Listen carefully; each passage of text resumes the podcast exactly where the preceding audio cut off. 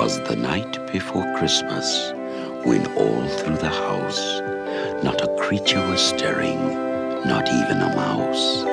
The stockings were hung by the chimney with care in hopes that St. Nicholas soon would be there.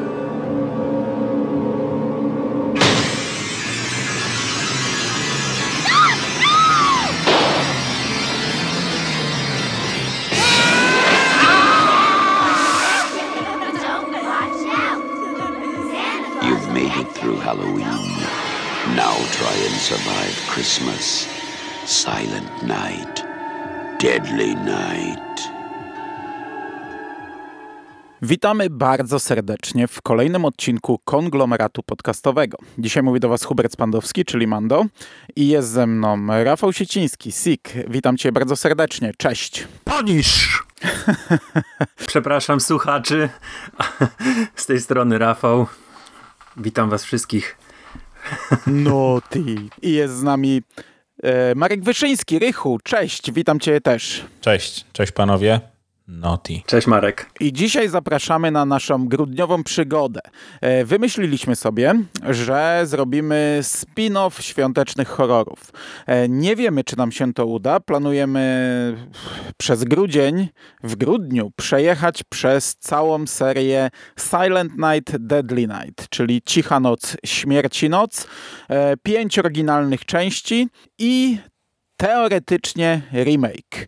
Em, Raz w tygodniu, najprawdopodobniej będzie to piątek wieczorem, no ale wy już wiecie, kiedy to poleciało, więc e, mam nadzieję, że co tydzień przez trzy kolejne dni, te, które są dzisiaj, mm, będziecie mogli nas posłuchać, jak sobie o tej serii rozmawiamy. Dzisiaj na warsztat weźmiemy oryginalny film Silent Night, Deadly Night z 1984 roku i ten niby remake, czyli Silent Night z roku 2012.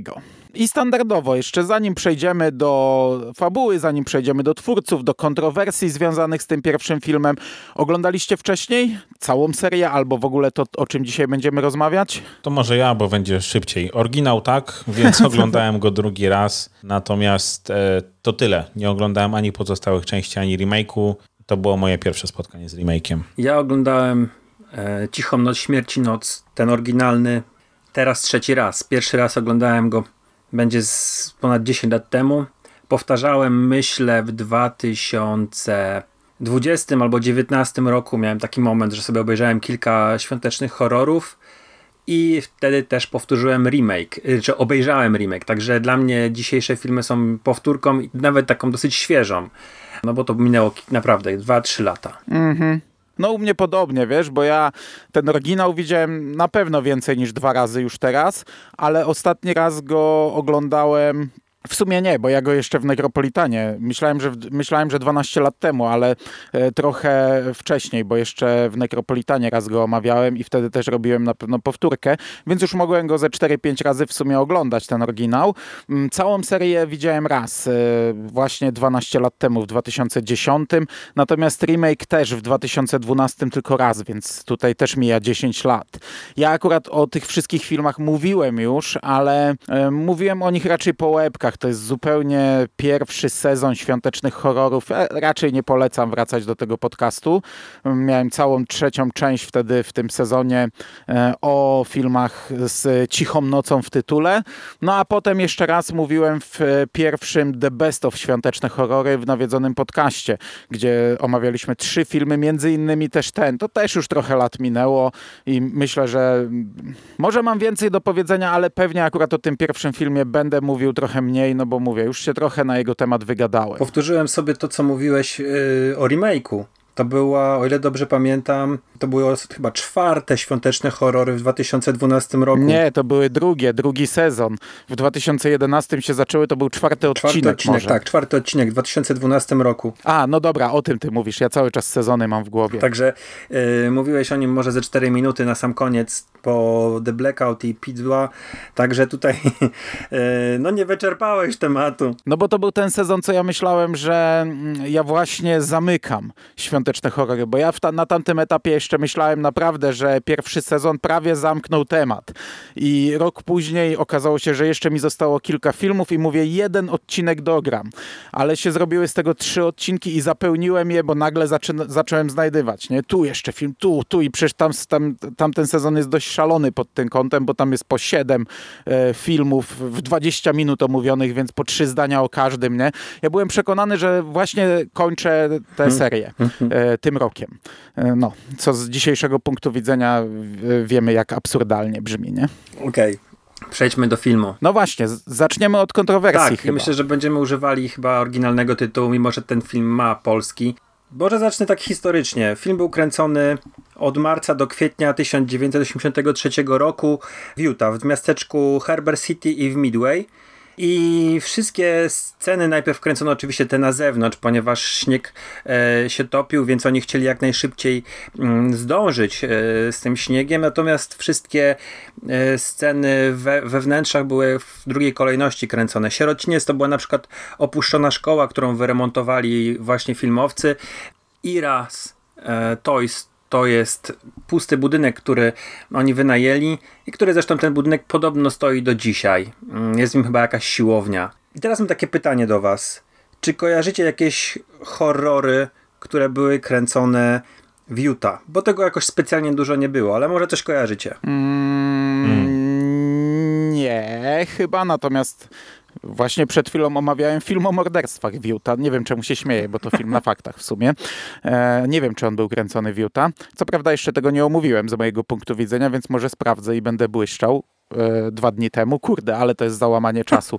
Nie, nie kojarzę. Na pewno był... Wiesz co, ja sobie teraz szybko wyklepałem listę, to trochę było i to takich nawet, kurczę, powiem. No ale w porównaniu z tym, mówimy o horrorach i w porównaniu z tym, ile było kręcone, wiesz, w Kanadzie, w Los Angeles, w Nowym Jorku, no to to jest, nie jest specjalnie długa lista. A przynajmniej nie ma aż tylu jakichś takich wybitnych tytułów. Na pewno w pierwszej kolejności warto wspomnieć Jaki miniserial? The Stand, kurde, jak to jest po polsku? Bastion. Bastion. Tak jest. Mika znaczy powiem ci tak, bo ja widzę, że Ari Aster kręcił zarówno Dziedzictwo, jak i Midsommar Utah, więc e, moim zdaniem to są jedne z najlepszych horrorów ostatnich lat. Także widać, że Utah ma się czym pochwalić. Mhm.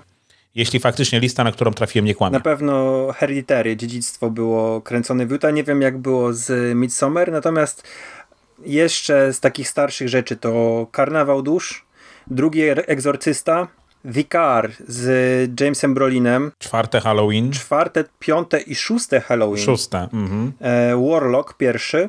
I tutaj e, Species, czyli chyba to było e, drugie, drugi gatunek. Mm, natomiast był też jeden film świąteczny kręcony w Utah. Ja go omawiałem z tobą, Mando. The Wolf of Snow Hollow z 2020 roku o. Jima Cummingsa. Mm -hmm. No i tutaj jeszcze tam oczywiście jakieś tam pojedyncze tytuły, Bats, Nameless Day rzeczywiście gdzieś tam się trafiają, natomiast takie wydaje mi się te, które były najbardziej ważne do wspomnienia, no to, to, to powiedzieliśmy. Także Myślałem, że będziecie pamiętali o Bastionie, że był Utah kręcony, no ale nie. Mm, to nie jest jakimś moim hobby e, sprawdzanie, gdzie były kręcone dane filmy. A także... Ja akurat lubię. Film miał budżet 750 tysięcy mm, dolarów. Dosyć ciekawą rzeczą jest mm, to, jak powstał scenariusz. Był taki, powiedzmy, otwarty napływ scenariuszy. TriStar zrobiło coś takiego, że po prostu pozwolili e, ludziom niezrzeszonym wysyłać swoje scenariusze i producentowi spodobał się scenariusz He Sees You When You're Sleeping, e, napisany przez, mm, przez studenta Uniwersytetu Harvarda Paula Kaimiego. I on zresztą jest tutaj ujęty jako based on story. No, na podstawie tak, opowieści. Tak, ale no.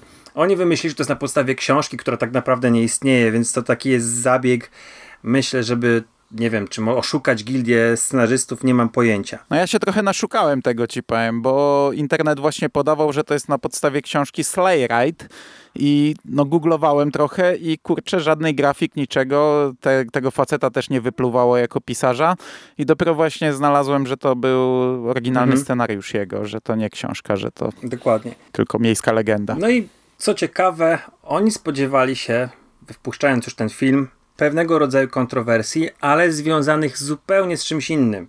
Nie chodziło o Mikołaja, chodziło o to, że oni bali się, że pokazanie sierocińca katolickiego i to, co ten sierociniec, ten pobyt w sierocińcu zrobił z Billim, wprowadzi kontrowersje i sprowadzi mm, gniew środowisk katolickich, w związku z czym TriStar wymyśliło, że wpuści ten film najpierw na ten środkowy zachód, gdzie jest e, więcej protestantów i zobaczą jak to pójdzie. Dlatego ten film początkowo, który chciał, miał iść w tym sezonie świątecznym, miał premierę 9 listopada 1984 roku tuż przed startem tego świątecznego sezonu tak naprawdę, ale no to było takie badanie, wiecie, no to było limitowane, nie było, nie było pełne, pełna, pełne kina, znaczy nie, nie pełna mm, wysyłane do wszystkich kin, tylko oni tak sobie testowali. No i okazało się, że po dwóch tygodniach e, no film został zdjęty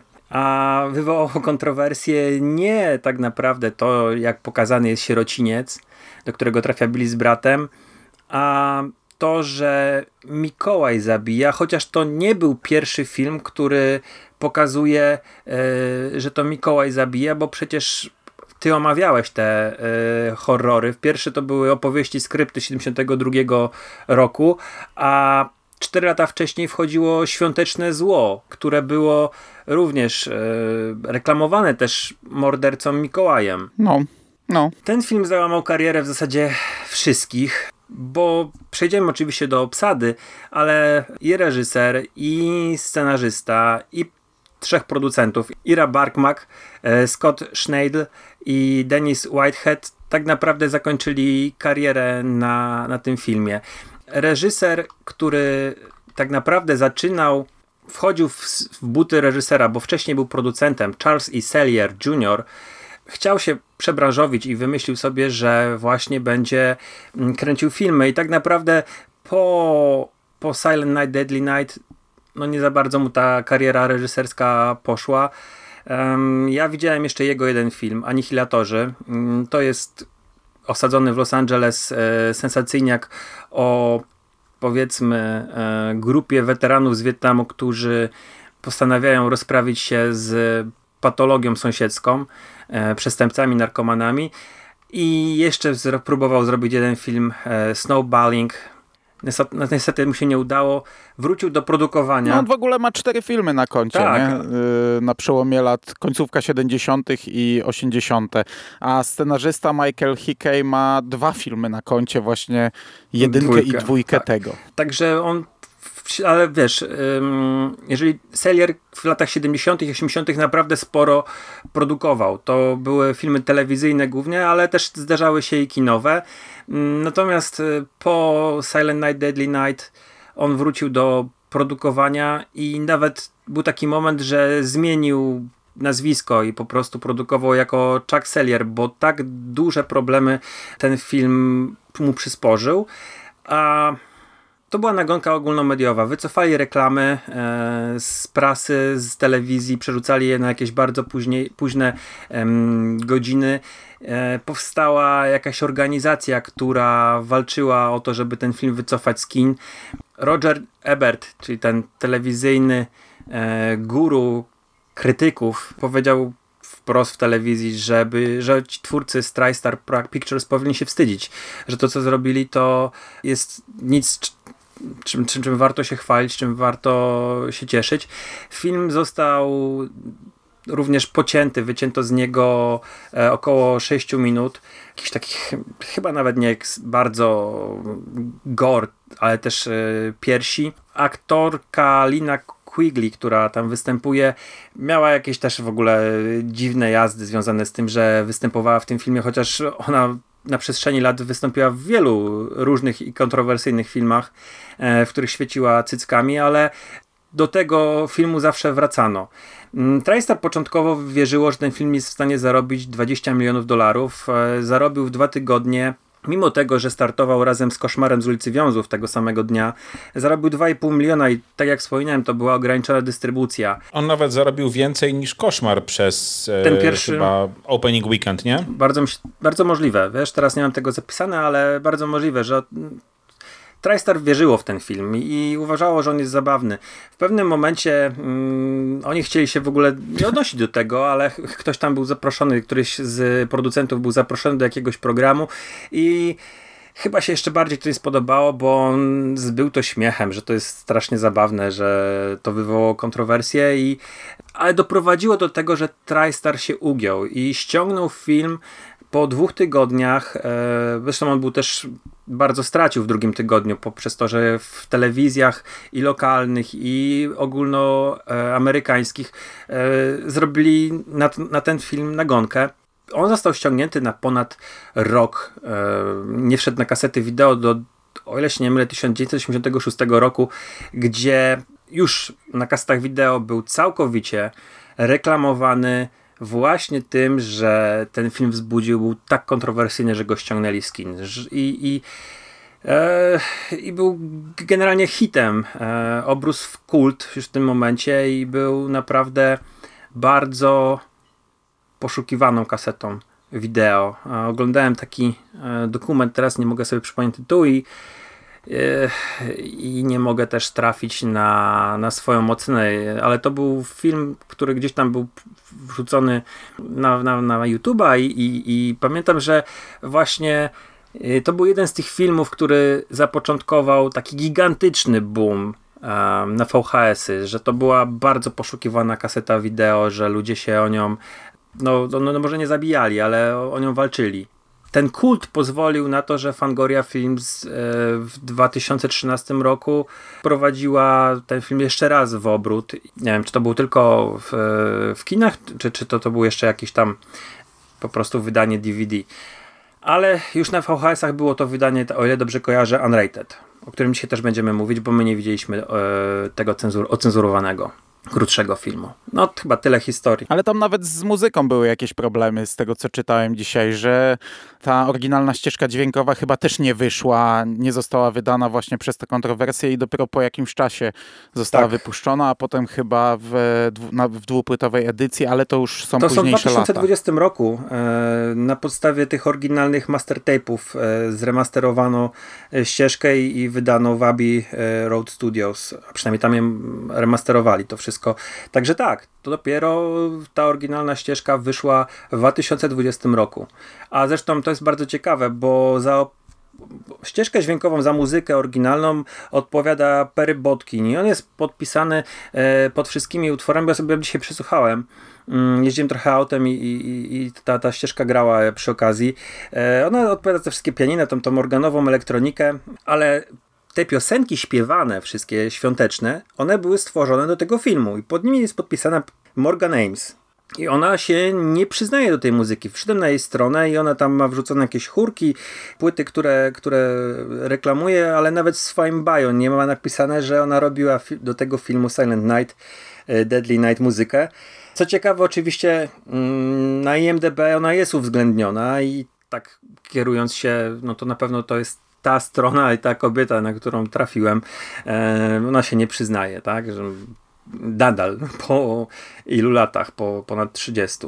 Pięciu. Ja właśnie sprawdziłem sobie, Perry Botkin miał nominację do Oscara i e, wygrał Grammy w którymś momencie, więc to nie był taki ktoś znikąd, nie? Zupełnie. E, no nie, w ogóle. Aczkolwiek hmm? przyznam, że ja nie bardzo jakoś kojarzę muzykę z tego filmu w tym momencie, ale może już po prostu za no, dużo ale czasu piosenkę kojarzysz, nie? Santa's Watching tytułową i tą, co leci na napisach, no to ta sama. To jest mhm. przecież fantastyczna piosenka. Do no i na przykład Warm Side of the Door, jak jest ten taki montaż Billiego, który pracuje w sklepie zabawkowym, to też jest świetna piosenka. To są naprawdę fajne, świąteczne piosenki. Dzisiaj je słuchałem no i tak. słuchaczom i wam naprawdę je polecam. Te e, Morgan Ames piosenki są, da się ich słuchać naprawdę w święta. To nie są jakieś naprawdę badziewia. To są naprawdę świetne, świąteczne piosenki. W ogóle ten film TriStar nie tylko wierzyło, że on zarobi 20 milionów, ono chcia, oni chcieli dosyć... E, dosyć mieli w głowie serię. Zresztą ten film się kończy tak, jakby miał być sequel.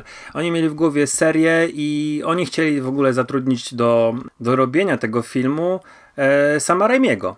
Sam Raimi był brany pod uwagę, nie wiem czy był na jakichś rozmowach, ale był brany pod uwagę jako reżyser tego filmu. Tak samo jeszcze było dwóch innych, Albert e, Magnoli i Ken Kwapis. Obaj to są raczej telewizyjni reżyserzy. Mają pewnie jakieś filmy mm, większe na koncie, natomiast już no, nie sprawdzałem tego.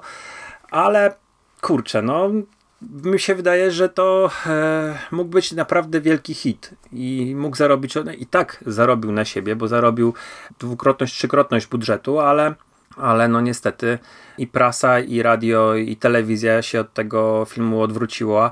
E, ten plakat taki ikoniczny z tą ręką, z toporem wystającą z, e, komina. z komina, tak, to, to to, że tam Mikołaj może trzymać topór, to było w ogóle jakoś nie do pojęcia dla ówczesnej Ameryki, dla tej bigoterii i, i te reklamy wylatywały, mimo że były opłacone, wylatywały z mm, gazet. Także taka przykra historia. Szczególnie, że mówię, no dla reżysera skończyła właściwie, zamknęła drzwi przed y, ewentualnymi kolejnymi filmami. Może dobrze, że Raimi tego filmu nie wyreżyserował, bo nie dostalibyśmy mm, i może Spider-Manów i na pewno Martwego Zła 2 i, i Armii Ciemności. Także tyle chyba historii na ten temat. Mam nadzieję, że nie przynudziłem bardzo. Nie, bardzo ciekawe. Natomiast o twórcach no już powiedziałeś. O aktorach natomiast ja nie mam nic do dodania. Tutaj jedynie ta matka, matka przełożona, czy e, jak ona się tam... No matka przełożona. No to jest aktorka ze stażem. E, co prawda to jest aktorka z innej epoki, a pozostałych nazwisk ja raczej nie kojarzę. No to byli aktorzy wynajęci właśnie w Utah. Robert Brian Wilson, który gra dorosłego Billiego, to był jego pierwsza rola, to był naturszczyk. On niczym chyba wcześniej nie grał. Zresztą ten chłopak na początku strasznie się wstydził tej roli. Te wybuchy, te kontrowersje, to prosił swoją rodzinę, żeby nie szli na ten film. Później mu się to zmieniło. Jest teraz podobno częstym bywalcem e, wszelkiego rodzaju konwentów i opowiada, jak to pracowali no na tak, tym filmie. on nawet e, nagrał komentarz do, z tego co wyczytałem, nagrał komentarz do e, no do DVD-ka, czy tam Blu-raya, który został wydany w tym mhm. momencie, bo tych wydań cyfrowych czy VHS-owych trochę było e, finalnie i e, jest ten jego komentarz w tej chyba ostatniej, nawet chyba w 4K, także faktycznie no jakby no ten, ten jednak drugi obieg, czy ten kult, który się później pojawił, widać, że, że chyba trochę jemu i tej linii Quigley też tak. widzę, nie wiem, może dało wiatru skrzydła, bo oni faktycznie dalej są z tym filmem, chcą być kojarzeni w tym momencie już chcą. Ale to jest w sumie fascynujące, bo ja nie tak dawno oglądałem e, ten horrorowy sezon Filmy naszej młodości i tam e, z kolei aktorzy, którzy grali w Piątku 13 w pierwszej części, mówili, że to im złamało całkowicie karierę, że oni zagrali tam tylko dlatego, że byli studentami, potrzebowali kasy i zakładali, że nikt tego filmu nie będzie oglądał. A on wszedł w całych Stanach do kin i to rodzina na nich się wypinała, że w czymś takim w ogóle wystąpili i, i no, nie wszystkie kariery to złamało, Bacon ale... sobie dał ale... radę, no. No, ale tam e, dziewczyna, która ginie pod prysznicem siekierą w twarz, wypowiadała się właśnie w tym dokumencie, no to mówiła, że to był straszny czas. No, oni byli przede wszystkim, chyba ile dobrze kojarzę, aktorami e, po szkole aktorskiej, nie? Tam oni dopiero zaczynali karierę.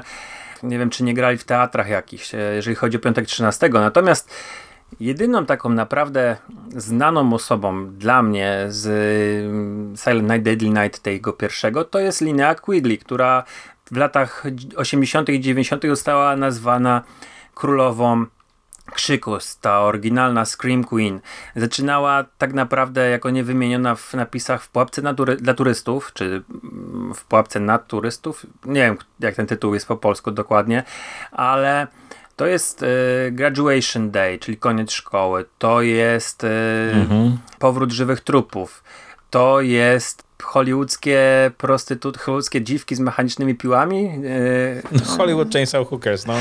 Piękny tytuł. Gorączka śmierci, Noc demonów, Koszmar z ulicy Wiązów 4. Także tam się naprawdę e, zaczęły dla niej firmy, gdzie ona właśnie, tak jak powiedziałem, świeciła biustem i krzyczała i to były po prostu, e, nawet powstawały kasety z jej ćwiczeniami, nie? Tam Linea Quigley Horror Workout, e, ale to, to mówię, to była masa, masa filmów i jeżeli nawet sobie e, przejrzycie lata 90., gdzie był Odwieczny Wróg na podstawie Kunca, e, Dyniogłowy, nie wiem, czy ona nawet nie, nie występowała w tym, w jakimś teledysku tego, e, Motorheada. Krwawa Maria, e, film wampiryczno-gangsterski. Także tego było masa, masa, masa i nadal jest masa, tylko no niestety te horrory, w których ona teraz występuje, to są e, no to są na przykład e, tytuły pod tytułem Virgin Obscura albo Trophy Heads, których e, ja zupełnie nie znam i e, to jest ten to jest, ten, to jest to takie naprawdę klasa B, która podejrzewam już tylko wychodzi albo w jakichś e, telewizjach lokalnych, albo właśnie tylko na DVD i jest dla totalnych e, horror freaków. Pamiętam, jak w Radiu SK mm, omawiałem e, dwa lata temu na Halloween, robiłem sobie maraton dokumentów i omawiałem jeden z dokumentów o, o wielu tytułach, no, związanych z horrorem. Już nawet w tym momencie nie powiem, jakie on miał tytuły. I tam wtedy się dziwiłem, że był cały segment poświęcony linie Quigley, której ja jakoś nie kojarzyłem, jako królowej horroru, królowej mhm. krzyku. I nawet wtedy chyba to punktowałem, krytykowałem, że kurczę, Jimmy Lee Curtis i tak dalej, a, a tu jakaś e, Lina Quigley. No, widać. Człowiek się uczy całe życie.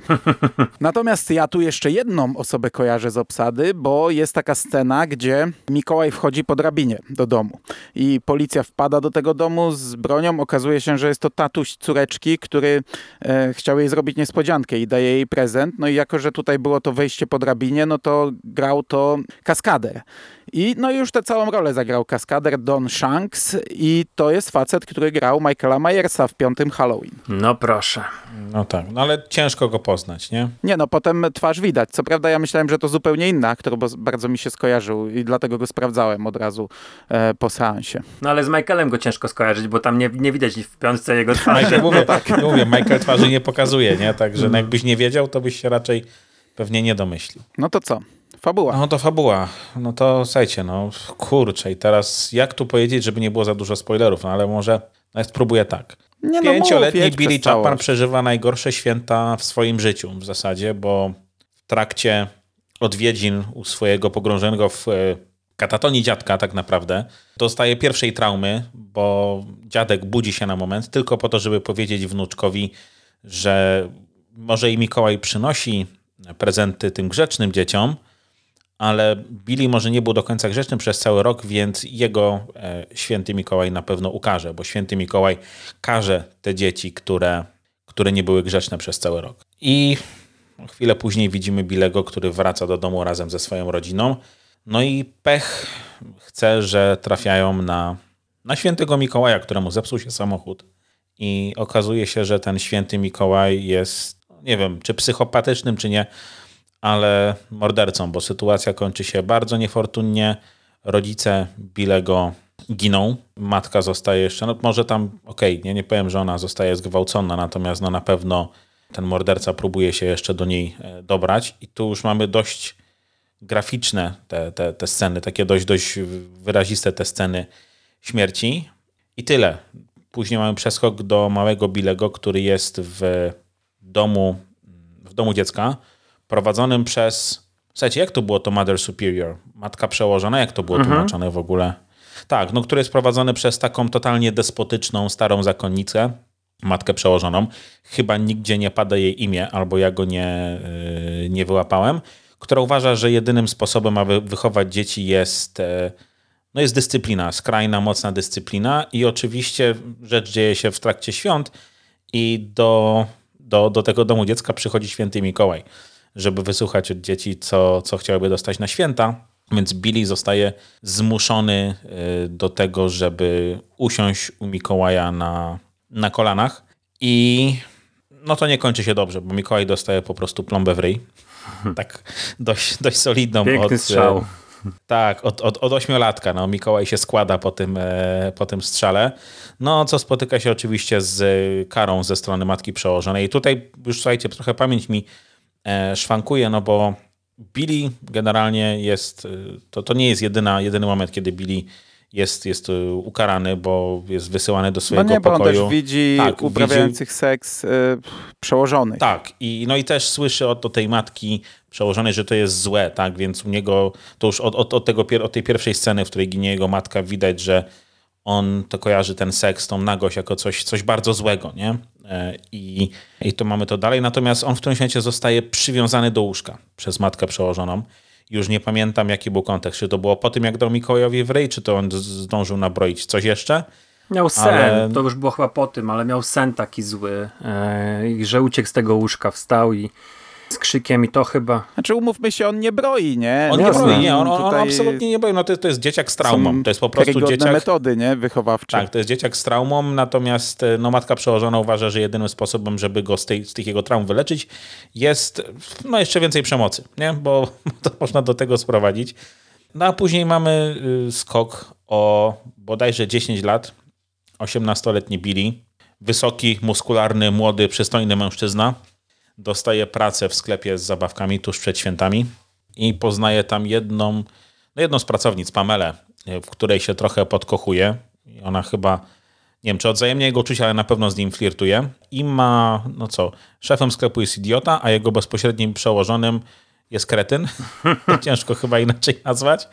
No i no i co? I Billy zostaje zmuszony do tego, żeby w którymś momencie założyć kostium świętego Mikołaja, bo facet, który miał się oryginalnie przebrać za świętego Mikołaja, bodajże złamał nogę, albo miał wypadek, nie jest w stanie przyjść.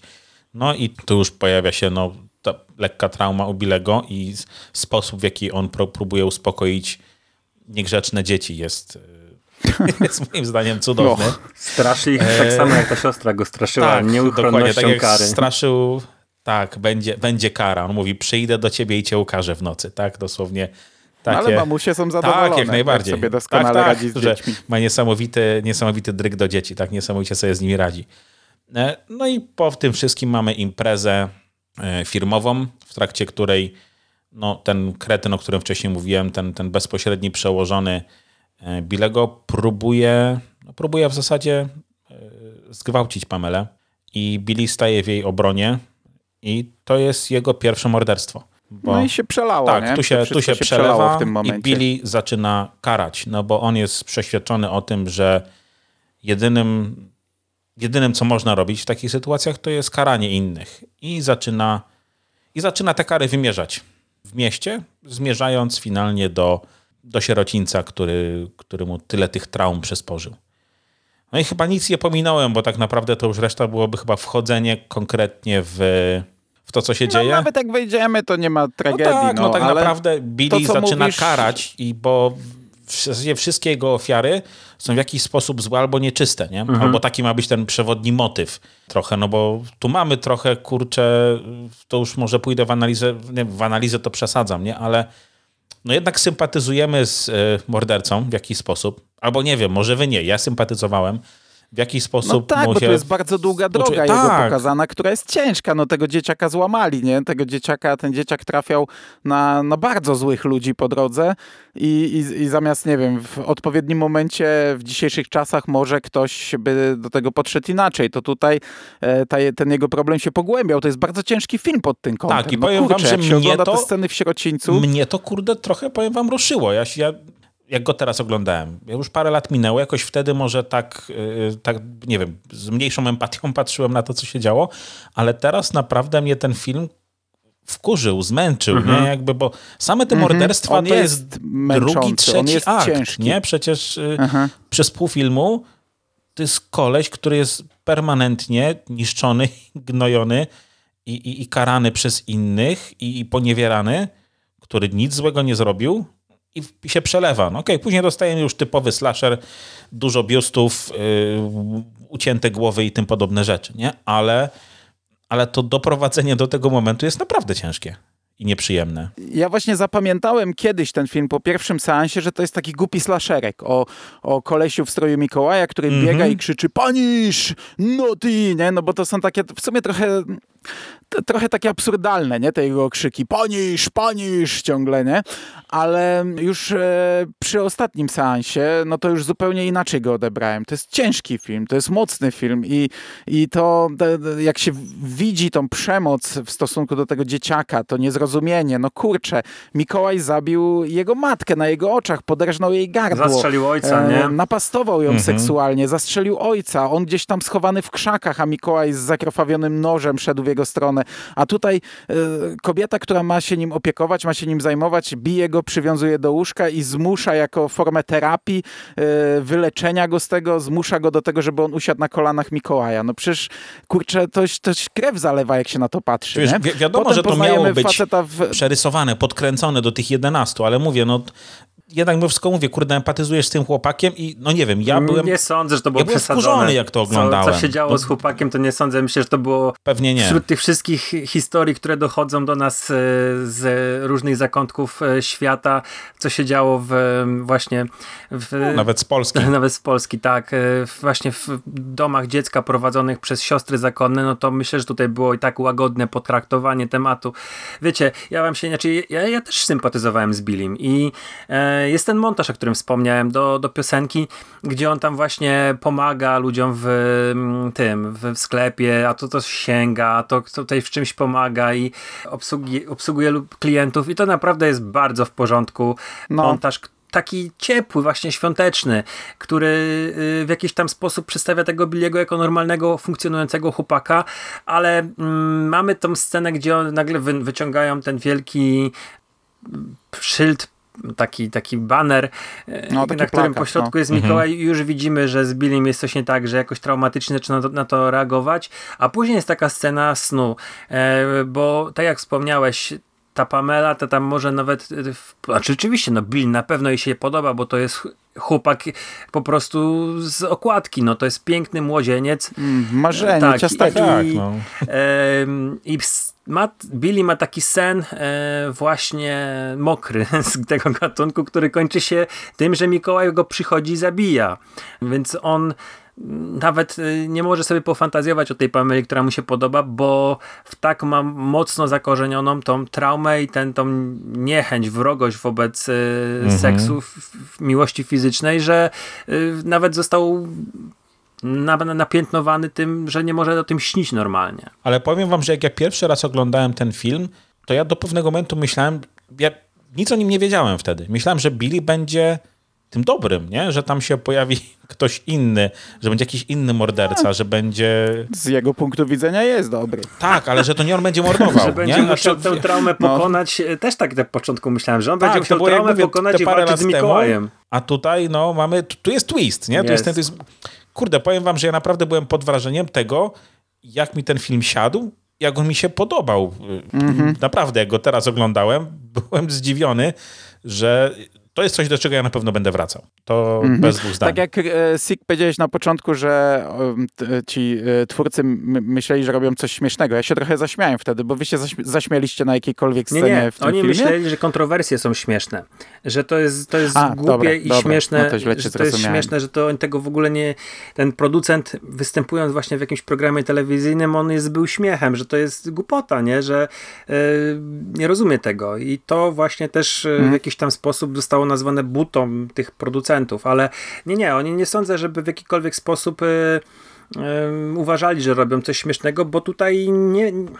Tutaj są, są trochę komediowe. No dobra, rozumiem, to nie jest lekki Tak. slasher. Nie, ja- ja, może raz miałem taki moment, że, że prasknąłem, ale to chyba był taki śmiech, e, gdy e, oni e, w sklepie mówią Billiemu, że jest dla niego praca nowa i wtedy nagle jest takie cięcie i widzimy jego twarz w, taką naburmuszoną bardzo mocno w tym stroju Mikołaja. To ja w tym momencie chyba prasknąłem śmiechem, ale to, to nie był śmiech na zasadzie, że mnie to rozbawiło. To, to, to No, takie, ten, ten szef taki sklepu, ten, ten, ten właściciel, nie wiem, dyrektor, on pewnie miał być takim trochę, nie wiem, komicznym elementem. No, uchlał się i marnie skończył, nie? Tak naprawdę tyle, tyle go mamy, no ale on miał być takim, takim e, no bo on tak niby z z dobroci serca, no to chodź Billy, tak, faktycznie, mam coś dla ciebie, mam dla ciebie świetną fuchę, nie? Ale tak, to nie jest dobre oczy, to Wiem. było takie, wiesz, no, był, Wiem, pod, był, był na ostrzu noża i troszeczkę przysłodził, nie? Tak, nie, nie raz tak. to przerabialiśmy ale no, w pracy kurde, wszyscy. To, wiesz, ale to jest tak, że tu się lubi Bilego, A praktycznie No nikogo tym- ja- innego się nie lubi w tym filmie, E, no. Ja w tym momencie też wkurzony byłem, no bo to wystarczyło powiedzieć zdanie jedno. Szefie, to tak średnio, nie? Ja mam trochę traumę do świętych Mikołajów. No nie mogę wystąpić w stroju, bo, bo to i to i to, nie? No ale mm, to łatwo jest mówić, nie? To jest dzieciak, yy, który ma trochę inne rzeczy, inaczej w głowie poukładane niż, Tak. ni- niż my, No. więc... Po prostu się No. słucha też, nie? Przełożonego, tak jak go nauczyli w domu dziecka, w sierocińcu. Em, Zresztą bardzo przykre jest to takie jego skonfundowanie, zagubienie na tej imprezie, e, gdzie oni sobie wyciągnęli alkohol i zaczęli pić i widać, jaki on jest tam zagubiony, jak jest poza tym wszystkim, taki mm, wyalienowany, ale też nie za bardzo, może nawet próbujący się w jakiś tam sposób, nie wiem, dobrze bawić, ale widzi to, co się dzieje między Pamelą a tym jego, tam powiedzmy w cudzysłowie określając, kolegą z pracy i, i to też go w jakiś sposób uderza. Ja wam powiem, że ja się zaśmiałem parę razy, ale nigdy nie na scenie z Billim. Ja się zaśmiałem na scenie, kiedy Linnea Quigley, czyli Denis, y, coś tam ściemnia swojej siostrze, bo jest akurat w, y, podczas no, igraszek na stole bilardowym i ta dziewczynka wraca na górę i tutaj to uś- uśmiech się mm, pojawił. Mm, Uśmiechnąłem się jak dzieciaki, dzieciaki, e, jak dwóch dorosłych chłopów zabrało dzieciakom Tak, sanki na sanki. górce i się zjechali, to też się uśmiechnąłem, bo to było zabawne. Natomiast tak naprawdę to wszystkie sceny z Billim no nie są śmieszne, no, no są raczej e, jeżeli wiemy, co ten chłopak przeszedł, no to one są gorzkie, nie? No nawet, kurde, ta scena, znowu nie wiem, jak traktować tę scenę, gdzie on daje ten nóż e, y, tej dziewczynce, nie? Ten, tego, ta, tego tapeciaka, którym wcześniej zabił Pamelę, nie? Rozcinając jej brzuch z góry na dół. E, wyciąga go z tego worka, nie? No, jakby ona jest kuriozalna, ale znowu, jakby, no nie było mi do śmiechu, naprawdę. Kurde, A to fajna scena Ona jest- jest. ona jest Powtórzona fajna. zresztą w, teoretycznie w remake'u, tylko zupełnie inaczej. Tak, tak, nie? no w- remake'u jest, y, znaczy, to, dobra, do remake'u zaraz dojdziemy, poświęciłem mu te 5 minut, nie, ale, ale no mówię, tu jest, y, no mówię, ona, ona mnie nawet, kurde, nie, nie, znaczy nie wiem, czy ona miała być zabawna, czy nie, ale ona, mówię, ona była mega kuriozalna y, y, w tym wszystkim, się co tam się działo. scena z końcówki, gdy policja wbiega do sierocińca i wołają świętego Mikołaja, który właśnie Ale co, idzie tutaj, w stronę. tutaj to parsknąłem, no, bo to, bo to, to jednak No. było głupie, no nie się usłyszał, okazuje, bo że, ale to było też fajne, nie? że zastrzelili jakiegoś biednego księdza, który nie dosłyszał. Tak, tak. Tak, no to, to było. E, No nie wiem, słuchajcie, czy tu możemy e, e, spoilerów więcej dawać, czy nie, no bo ja bym chciał. Nie no, chyba wiesz, to Ale- jest film, który ma, no jakby nie patrzeć, 38 No lat, wiem, nie? wiem. Nie, słuchajcie, bo mnie to wkurzyło, że matka przełożona jakby Przeżywa? przeżyła, no, że Jo, też mnie to ona powinna być tą no. ostatnią śmiercią. Okej, Billy, dla Billego już ratunku nie było, ale to katarzis, nie? To jednak to, to kurczę, to ukaranie jej, nie? Za to, za, za to jaka była. No, tego mi trochę, tego mi trochę No, zabrakło. szczególnie, że ona żadnej lekcji z tego nie wyciągnęła. Tak, Zakłada, ona jeszcze mu tam dogadywała dzieciak, przecież- który potem robił złe rzeczy, nie? Na sam Ona koniec. jeszcze wróci w drugiej części, ale nie pamiętam, czy tam dostanie swoją karę. No, ale też, też na koniec kibicowałem, żeby jednak chociaż, chociaż tą siostrę mm, zakończył z nią No bo sprawy. w ostatniej scenie to, o ile dobrze kojarzę, to brat Billiego mówi, Naughty.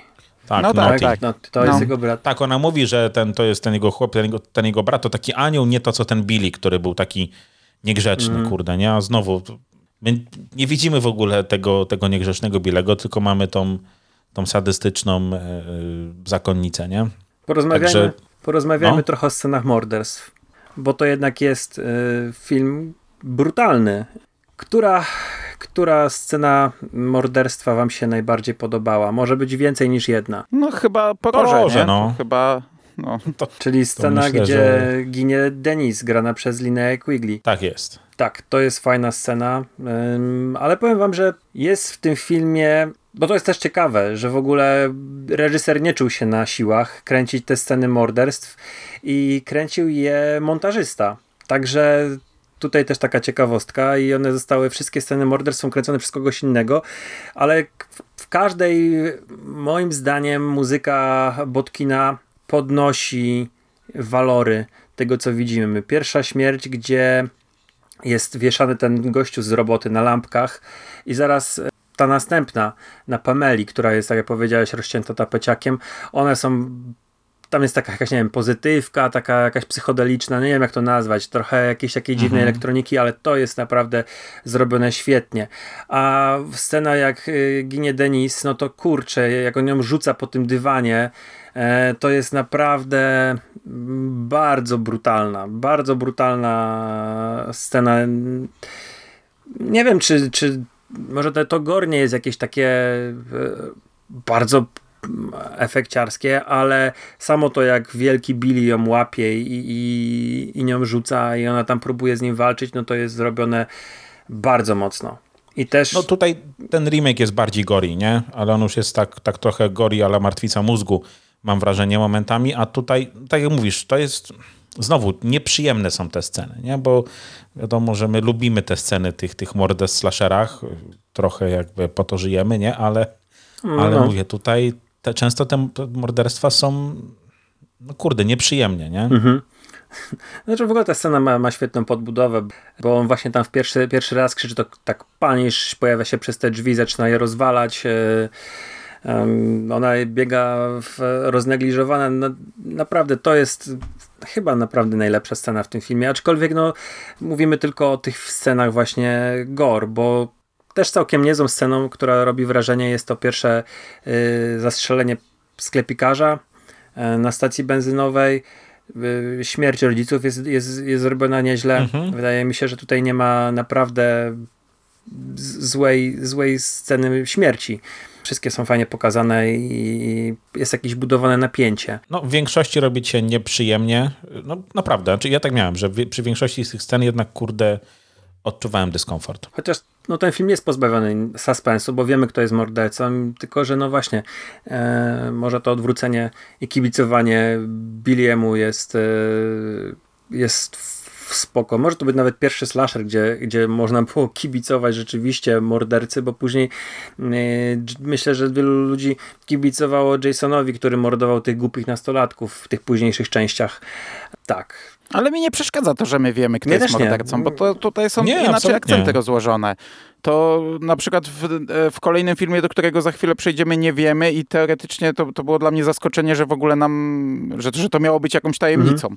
bo ja myślałem, że to będzie taki sobie morderca po prostu, który sobie chodzi. Tutaj jest to tak długie to wprowadzenie, cała ta historia jest tak rozłożona i rozpisana, że mi to nie przeszkadza absolutnie. To nie jest tego typu film, gdzie my mamy odkryć tożsamość jasne, mordercy. Jasne. E, no. Tylko po prostu, mhm. wiesz, mówię, że to nie ma takiego suspensu, Natomiast, nie, ewentualnego. No. Natomiast same morderstwa wyglądają ok. No czasami to jest tylko nóż i trochę krwi gdzieś tam, um, ale no jak zabija Pamelę na przykład i rozcina jej brzuch tym, y, tym właśnie tapeciakiem, to też jest fajne. Sam Mikołaj wygląda fajnie. On, on naprawdę super wygląda w tym stroju. To jest tak nietypowo, bo e, on nie, nie ma brody na mhm. twarzy, mhm. tylko ma tak, ściągniętą na, poniżej. na szyi, mhm. na, pod, pod brudkiem, nie? Ale to super wygląda. taki, taki jak lew koło ma tego, tego dużo tego białego. To nie jest taki tani strój Mikołaja, tylko, tylko taki fajny i super to wygląda. Bardzo charakterystycznie, bo, bo raczej rzadko tak jest, żeby e, tak cała twarz była pokazana. No jest scena w 84 zabójstwa łukiem, to chyba tylko Jason wcześniej zabijał, nie? O ile dobrze kojarzę. E, matka Jasona okay. raczej. Ale naprawdę też fajna scena. Także pod tym względem ja jestem bardzo usatysfakcjonowany kolejny raz. I wiecie, powiem wam szczerze, trochę ta rozmowa mnie jeszcze bardziej po podbudowała e, obraz tego filmu w mojej głowie, bo ja trochę nawet chciałem narzekać, że tak naprawdę to ten, ten użyję słowa e, furia, rampage po prostu Billiego, który po prostu jakoś tak, nie wiem, morduje bez ładu i składu, bo raz dowejdzie do domu, innym razem kogoś w lesie zabije, mm, schowa się gdzieś tam na, na drodze.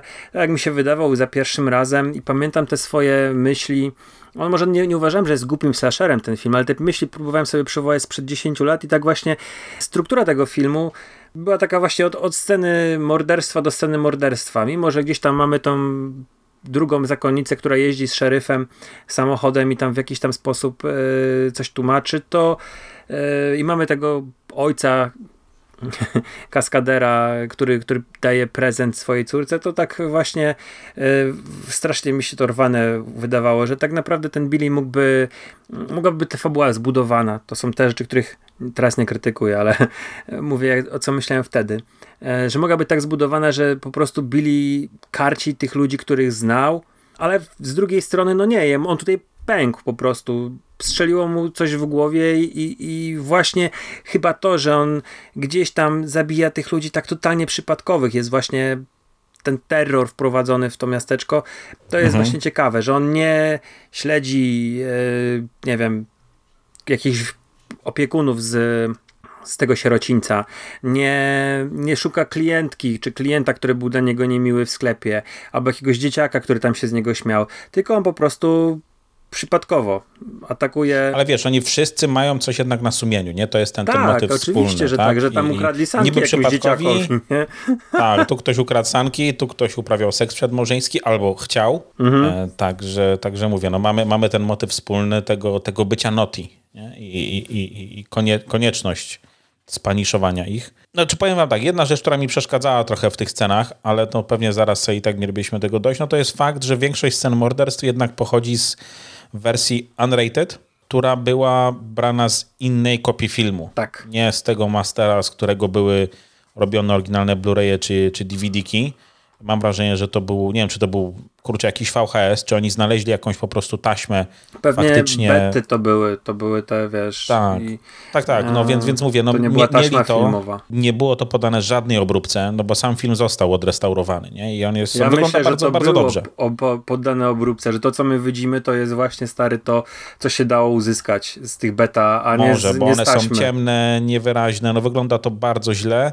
I czasami to mamy, kurczę, z ujęcia na ujęcie, nie? To samo morderstwo, ale mamy, kurde, jakby z dwóch różnych kamer i, i, i no na jednym widać wszystko pięknie, a na drugim nie widać prawie nic, nie? Więc to jednak, kurde, trochę, to trochę przeszkadza, bo prawie, w zasadzie chyba każda scena morderstwa, na pewno głowa, na pewno poroże, na pewno ten tapeciak, może wieszanie na lampkach, nie, ale nie, tak to naprawdę większość z nich ma te, no ma, ma, ma te cięcia i to trochę, to, mm. trochę, to trochę przeszkadza. Co prawda to są krótkie rzeczy, bo tak jak Zgadza się, no, parosekundowe, sobie znalazłem rozpiskę, to są no, po, po 5, po 6 sekund, czasami kilkanaście, czasami scena inaczej zmontowana, czasami coś wyleciało, głównie chyba nagość plus e, trochę e, brutalności. No tak jak mówiliśmy, ja nigdy nie widziałem chyba tej wersji oryginalnej, mm, bo, bo no, kojarzę tylko tę wersję. Ja tak Natomiast tak jak mówisz, e, tutaj widać to, no ale no, nic, nic lepszego nie dostaniemy, nie? Film został tak e, przygotowany do kina, tak okrojony w tamtych czasach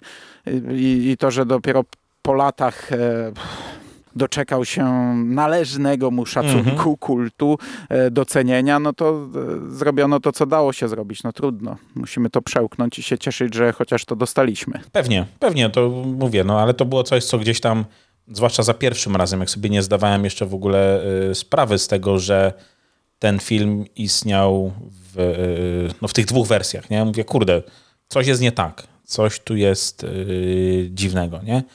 Ale no, mówię, no to, to tyle, nie? No, tak naprawdę yy, no gdzieś tam widziałem, że cały czas ludzie liczą na to, że uda się jeszcze taką w pełni już, kurczę, zremasterowaną wersję kiedyś uzyskać. No zobaczymy.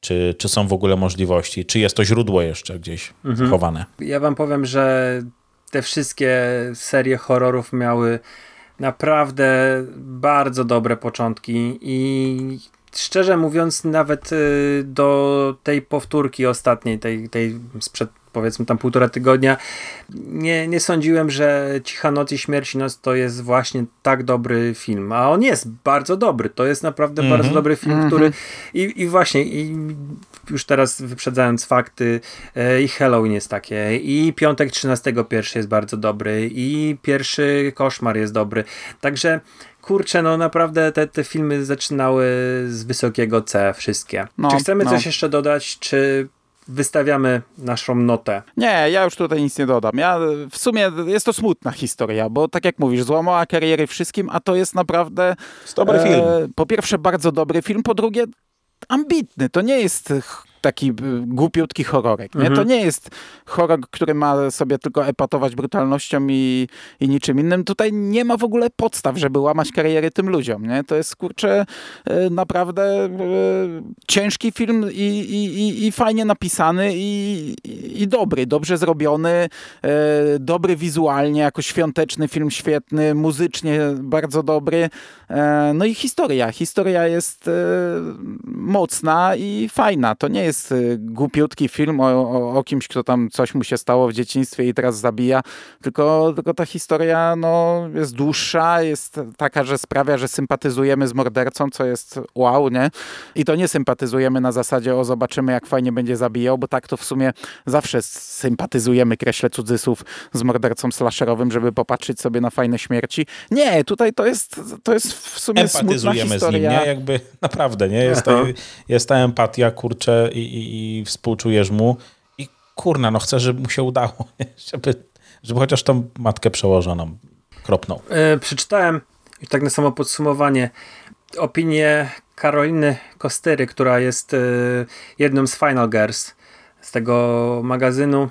Marta nagrywa Mhm. na konglomeracie podcasty, też jest Final Girl i właśnie bardzo mi się spodobały słowa, które użyła e, w, w podsumowaniu, w tej swojej ocenie, że jest to w swojej konstrukcji i atmosferze e, film, czy slasher, który nigdy nie był tak bliski właśnie mrocznej baśni. I to jest trochę tak jest, że to jest taka mroczna baśń, taka, taka smutna właśnie mm, historia właśnie tego, jak, jak y, można złamać dziecko, nie? Mhm. Słuchajcie, no jedna rzecz, której jakby już musiał się czepić, to aktorstwo. No bo Tak jak, tak jak mówiliśmy, no to, to jest naturszczyk, tak? I, i ten, ten Billy. no to wszyscy byli tam lokalnie oprócz y, Quigley, tak, więc tak, no to więc to aktorstwo w zasadzie tutaj nie istnieje, ale no, ale no, to tyle mówię, no.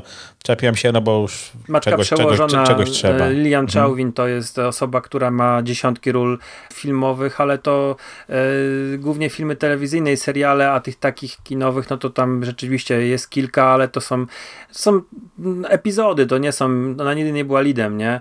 E, to są zawsze jakieś Mhm. takie malutkie rulki epizodyczne, czy, czy, czy w, kurczę, no, no naprawdę nawet nie epizodyczne, tylko gdzieś tam w tle, nawet nie wymiana w czołówkach jest. Dobra, chłopaki, jak oceniamy ten film? W jakich w ogóle w, dla, na, na potrzeby tej serii, w czym oceniamy przede wszystkim? No właśnie, w mordujących kurczę. Mikołajach, w e, okrwawionych toporach, w pękniętych bombkach, w, Kurde, w porożach, no w Mam- dziewczynach nabitych na poroża. Niech zdecyduje Mando, bo on jest, wiesz, guru filmów świątecznych, Mando, to ty wybierz, prowadzisz. wybierz nam, w czym punktujemy. Mm, Nie wiem, nie wiem. nie wiem. dzięki. W tapeciakach możemy oceniać. No, takich, no, prezenciki, prezenty tapeciaki. O, o. No dobra. No właśnie, w, okrwawionych Mierne, tapeciakach. ale, ale Coś no, wymyśliłeś. Nic nie wymyśliłem. E, ile, ile prezentów tapeciaków dałbyś Cichej Nocy, Śmierci Nocy? Silent Night, Deadly Night. E, Rychu. Rychu pierwszy, ja się O, boisz tej oceny. A, widzisz. Kurczę, To ja zacznę. dał 7. Ja tak Nie, ja samo. daję siedem. Ja tak samo, daję 7. No ja, ja się nie tyle boję, co mam trochę skalę przestawioną. E, Bo po pierwsze świąteczne filmy oceniam trochę inaczej. e, A, bo to wiesz, może być słaby film, ale fajny film świąteczny i, i już dodaję do oceny. Po drugie, no e, niczym Andy Dufresne przepłynąłem przez tę rzekę gówna e, i, i wyszedłem czysty jak łza oglądając ten film, więc ja bym... No, da, nie, no nie, no te 8 bym może dał nawet. Pięknie. To jest miłość. No. Ja bym tutaj Super. raczej, wiesz, y, też porównywał do innych, y, do innych serii, do innych slasherów z tego okresu, także y, mnie się podoba to, że to jest film mm, ambitny, że on coś próbuje opowiedzieć, że porusza jakiś temat i dlatego też daje 7. To jest, to jest ocena, która, którą 7, 7,5. E, dobra, to będzie 7 pełnych tapeciaków i jeden już taki ze złamanym ostrzem, no 7,5. Dobra, słuchajcie, No. bo mamy naprawdę Okej. już całkiem niezły podcast, a jeszcze został nam remake. No, Mhm. remake na pewno Dobrze. dostanie mniej czasu. Też tak myślę. E, W 2012 roku powstało coś, co teoretycznie jest remake'iem, czyli Cicha Noc, Silent Night, mm, w reżyserii Stevena C. Millera, który zrobił tam jakieś rzeczy, ale ja nie umiem o nim się wypowiedzieć, a i według scenariusza e, Jasona e, Rotuela, który podobnie zrobił jakieś rzeczy, ale ja ich nie znam, tych ludzi. Nie wiem, czy tu coś chcecie na tym etapie dodać. Ja sprawdzałem, tylko widzę, że ten Miller kręcił jakieś takie nie najlepsze horrory, ale szczerze mówiąc, kurczę, nie, nie kojarzę żadnego z nich. Plakaty są takie, wiecie, no typowo jakieś, kurczę, klasa B widzę jakieś Marauders z tym, no, łysym, z Bruce'em Willisem. E, nie, sorry, to, jakieś to, naprawdę... To naprawdę, jeżeli tam Bruce Willis, to, to możemy sobie wyobrazić je, O tak, on, on jeszcze tak, poziom to... Escape Plan dwójka. E, nie obejrzałem tego Escape Planu dwójki nigdy. Ja się zatrzymałem na jedynce, która była jeszcze całkiem fajna, a to jest ten, gdzie grał Stallone i Batista to, to tyle widzę w jego filmografii, ale ja nie widziałem, poza Silent Nightem nie widziałem nic. Y, no i Silent Night na pewno mnie nie zachęcił, ale to zaraz sobie y, dojdziemy do, do reszty. Ja tak naprawdę tylko Jasona Rodwella znam, bo reżysera rzeczywiście tych filmów popełnił kilka, ale to są wszystko jakieś takie kiepskiej jakości, sensacyjne filmy albo właśnie jakieś horrory tanie. Natomiast e, nazwisko Jasona Rotwella wyszło przy okazji filmu, który powstał dla Netflixa, dla filmu, przy okazji filmu Polar. To jest adaptacja komiksu Wiktora Santosa. Jest to z Mikkelsenem, nie? Tak, tak, tak, tak, tak. Jonas Ackerlund e, go wyreżyserował i to jest e, bardzo przyjemny film z gatunku tych e, Johna Wicko podobnych. Fajny humor i on napisał adaptację tego mm, scenariusza, tego komiksu na potrzeby właśnie filmu. Także znam jego i tak naprawdę to przez przypadek, bo mm, oczywiście po, po filmie, po powtórce sobie sprawdziłem i ten Jason Rotwell gdzieś tam mi zaświtał. Mhm. No tutaj powiedzmy mam wrażenie, że wszyscy będziemy raczej kojarzyli e, ten film od aktorskiej strony. Mhm. Bo, no bo tu już się jednak przewija parę nazwisk, które, no, z którymi mieliśmy już nieraz styczność. W tych wszystkich naszych filmach, książkach, y, komiksach, serialach i tym podobnych. Nie? No nie wiem, przechodzimy do fabuły, czy jeszcze coś Może chcemy Może porozmawiamy o obsadzie jeszcze chwilę, bo to zawsze tą obsadę gdzieś tam mm na mhm. początku poruszamy. Malcolm McDowell. To co, w roli. Nie, może w roli głównej Jamie King najpierw, nie? E, do, Ma do Malcolm... Malcolm dostanie osobny, osobny segment. On, on zasługuje dobra. po tym filmie. E, znaczy, słuchajcie, no znowu, czy tak, ja tak naprawdę kojarzyłem Jamie King, ale no mówię, ja ją kojarzyłem tylko i wyłącznie z e, dwóch części Sin City. E, I tutaj absolutnie nie szło jej poznać, no jednak Goldie wyglądała trochę inaczej. I Donala Loga, ale pewnie jakby przekręcam to nazwisko. Chyba dobrze mówisz. Logu, Logu, nie wiem. E, no ale jego kojarzyłem głównie chyba z tych już ostatnich sezonów, nie? Sons of Anarchy. No też w Gotham. Gotham tak, tak Gotham, tylko że Gotham, Gotham widziałem parę odcinków, nie? Jakby nigdy tego całego serialu nie obejrzałem, więc dla mnie, on, dla mnie przede wszystkim to byli synowie. No Jamie King też grała w tych planach ucieczki, których ja też nie widziałem, chociaż ja je kiedyś tam planuję obejrzeć, ale planuję od lat w dwójce i trójce grała w Krwawych Walentynkach. No tak, no mówmy się, że ona tu, znaczy no oboje mają te filmografie powiedzmy spore, ale niekoniecznie powalające, nie? Mhm. No jest jeszcze Ellen Wong, którą ja uwielbiam za Knives Cho ze Scotta Pilgrima. No tak, Jezus Maria, teraz, wiesz, ja nie sprawdziłem, kurde, skąd ja ją znam? A ona a to też, jest Knives Chow. No, a ona też, o ile dobrze kojarzę, to Jerry lubi serial Glow i ona tam też grała e, Jenny, także to jest fajna aktorka, fajnie ją było zobaczyć. Gdzieś tam się mhm. przewijają twarze, tak jak powiedziałeś, większość znamy, które widzieliśmy te, te, te kobiety w różnych serialach, w, w slasherach również. No ale absolutną gwiazdą tego filmu jest e, Malcolm McDowell. Ja wam no, powiem Jezus tak, Maria. ja wam coś powiem. Gdyby ktoś puścił mi Silent Night bez kontekstu, po prostu bym sobie dzisiaj nie widział tego filmu nigdy wcześniej i ja nic nie słyszał i puściłby mi ten film, to ja bym był przerażony, bo myślałbym, że Malcolm McDowell jest jak, ma jakąś fazę Alzheimera. I on sobie nie radzi, totalnie sobie nie radzi z tą rolą i wiesz, byłbym przerażony, bo, mm, bo bardzo lubię tego aktora. To jest aktor, świetny aktor i, i aktor, i aktor głosowy, ale e, Silent Night powstało w 2012 roku i tak jak sobie z ciekawości policzyłem, to on w ponad 60 produkcjach jeszcze dał głos i w swoją twarz i jeszcze w tych 60 innych produkcjach zagrał, więc po prostu Malcolm McDowell zagrał w Silent Night 2012 na totalnej wypierdolce. Tak, to jest. No ale bo to od pewnego momentu był taki aktor. No ja się nabijałem przy, jak omawialiśmy chyba Podpalaczkę 2, ale też nie raz, że Malcolm zagrał we wszystkim McDowell, bo kiedyś to faktycznie był świetny aktor, no ale on, on grał w Kevinie samym w domu 5 e, szefa z Woli, nie? No ale wiesz, on jeszcze w, w Heroes czy, czy w Mentaliście był do zniesienia, nie? No w Mentaliście to... był całkiem spoko.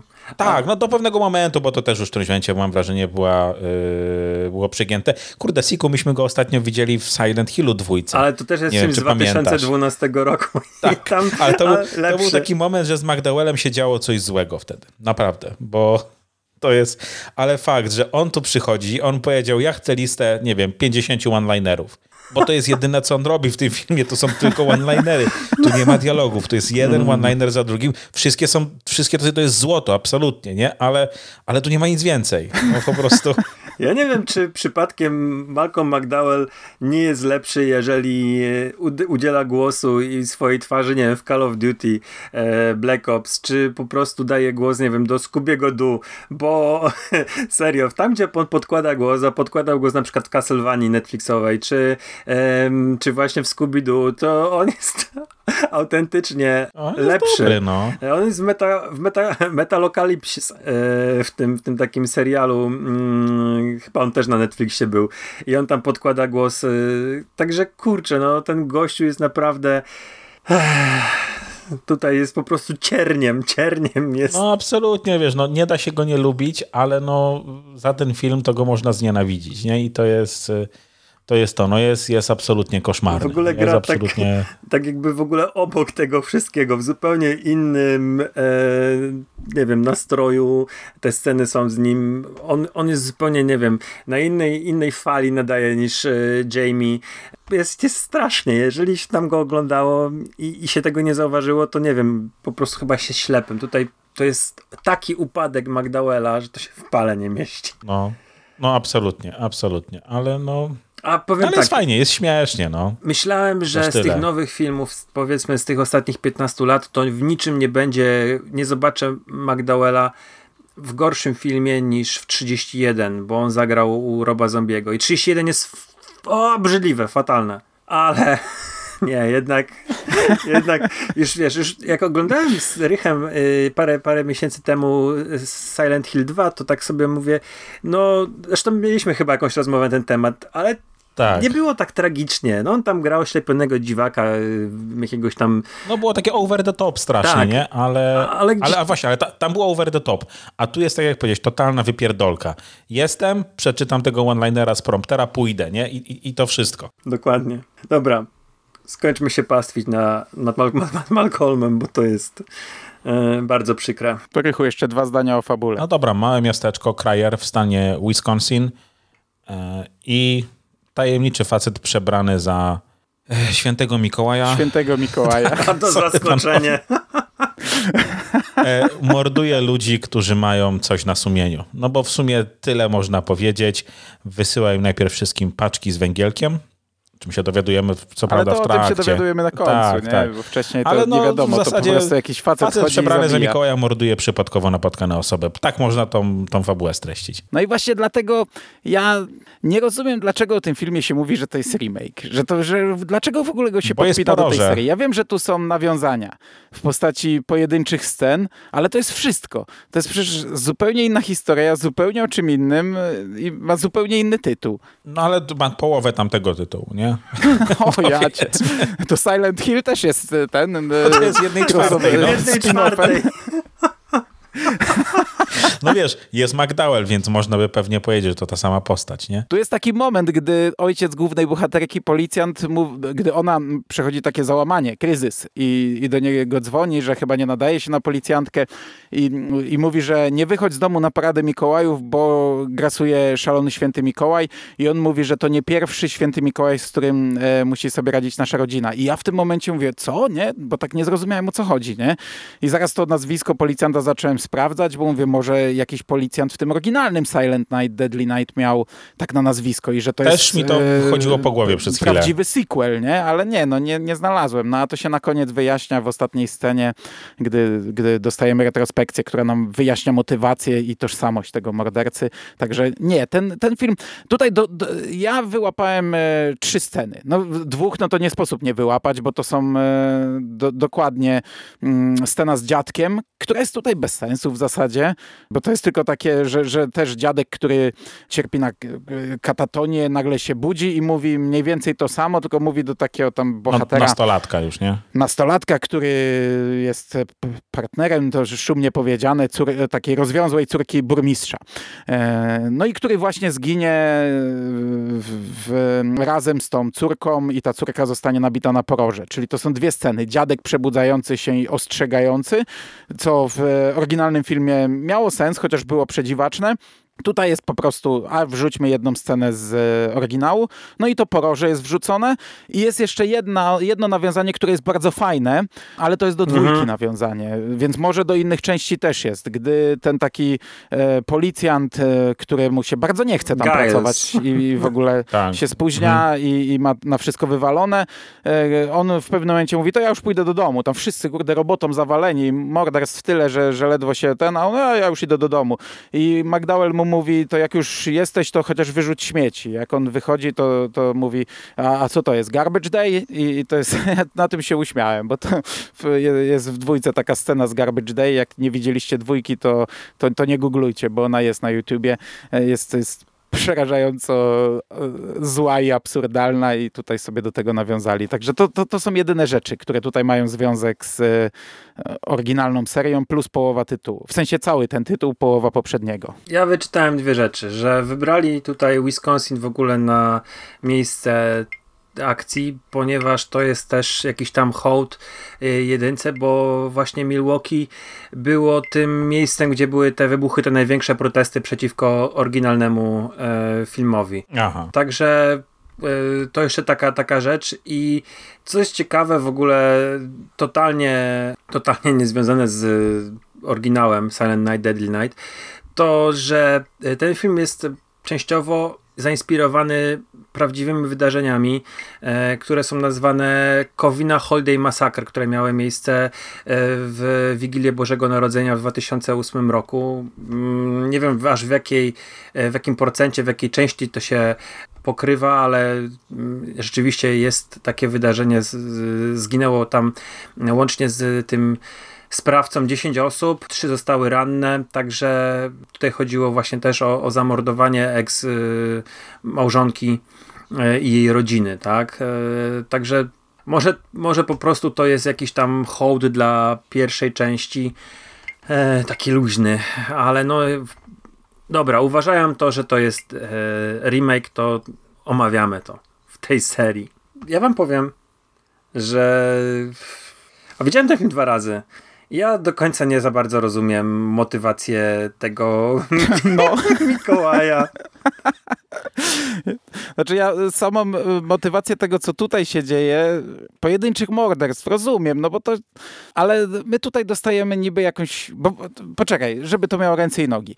E, Ten film się zaczyna od faceta, który robi sobie maskę, taką już teraz creepy, tak jak, tak jak powiedziałem, że poprzednie miał to wyjątkowe, że widzimy twarz całą, tak tutaj No tu to jest taka maskę, z nie? wypalonymi oczami, plastikowa, wycięta, z doklejoną brodą i to jest taki milczący morderca, taki Jason, taki Michael Myers, który chodzi i po prostu bardzo brutalnie zarzyna różnych ludzi, którzy też robią Chyba coś tylko jedną złego. kwestię wypowiada, prawda? Ja dobrze kojarzę.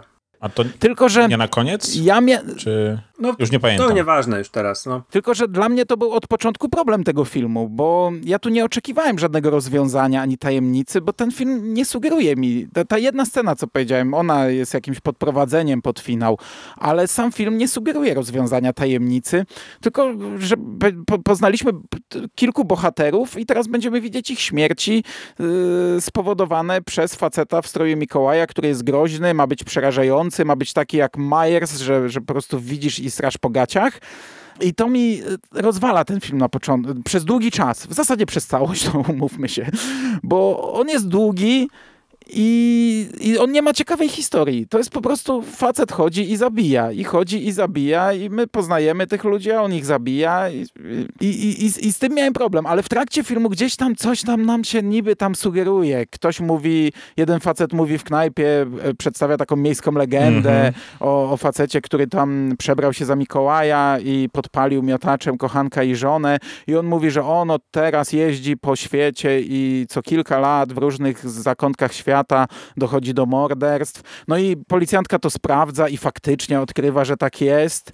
E, a na koniec się dowiadujemy, że to jest facet, który ma tutaj prywatną zemstę wymierzoną w jej ojca. Mhm. I to tak totalnie, no, no, no, no dobra, no dobra, no, za, no, no zabił jej ojca, no ale on zabił tutaj jeszcze zylion innych ludzi i niby zabijał od, od lat na świecie i nagle mu się przypomniało, że ma sprawę osobistą jeszcze w danym miasteczku. Takie totalnie, nie wiem, no to, to zakończenie dla mnie jest takie...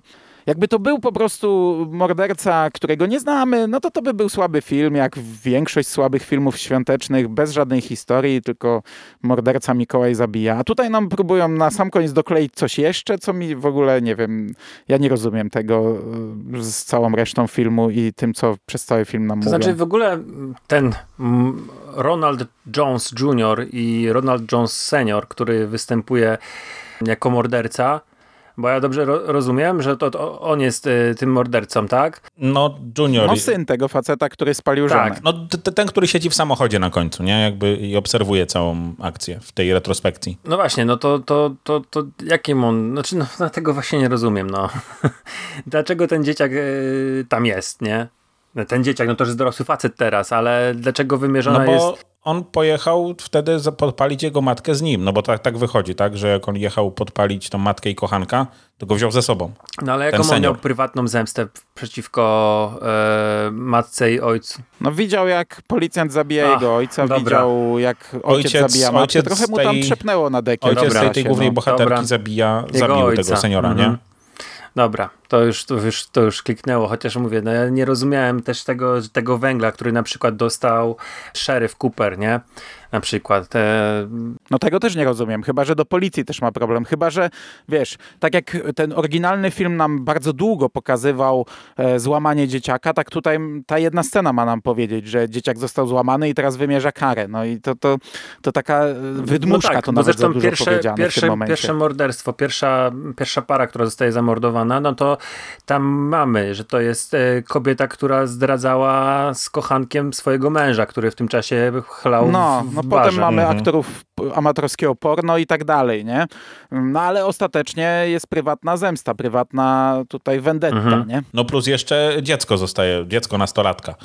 Yy, zostaje takim tym prętem do rażenia bydła, nie? Pyskata, pyskata na pyskata, pyskata gówniara, gówniara, nie? O, można, można tak. To jest, to jest, zostaje też yy, tam Pastuchem smażony, elektrycznym, nie? no. Tak, tak, tak, tak, tak, tak. No i burmistrz też w zasadzie nie wiadomo dlaczego. No córka burmistrza, no to jeszcze okej, okay, bo też grzeszy. Mhm, to prawda. Ksiądz Ksiądz zrobił zdjęcia biustów e, trzech dziewczyn przebranych za śnieżynki. No, ksiądz jest no totalnym klipem, no. Stacy. No, ukradł pieniądze z stacji, aczkolwiek to, to nie ukradł pieniądze z stacji, to są pieniądze dla księży. To on sobie wziął to, co było dla niego położone. To nie jest kradzież. No ale nie, ten, ten, on jest takim totalnym klipem, nie? Jest tak znowu przerysowany strasznie, ale no Taki powiedział, że nawet zabawny w tej, w tej mm. swojej roli. Tam w ogóle jest taka, to jest przedziwaczna scena, bo jak ten Mikołaj wchodzi do kościoła, to ksiądz mówi, mamy dzisiaj tłum, ale znajdzie się miejsce z przodu, a tam siedzi tylko jedna babcia. No ale to chyba, że ironia. To był żart, to był, to był żart czy... chyba.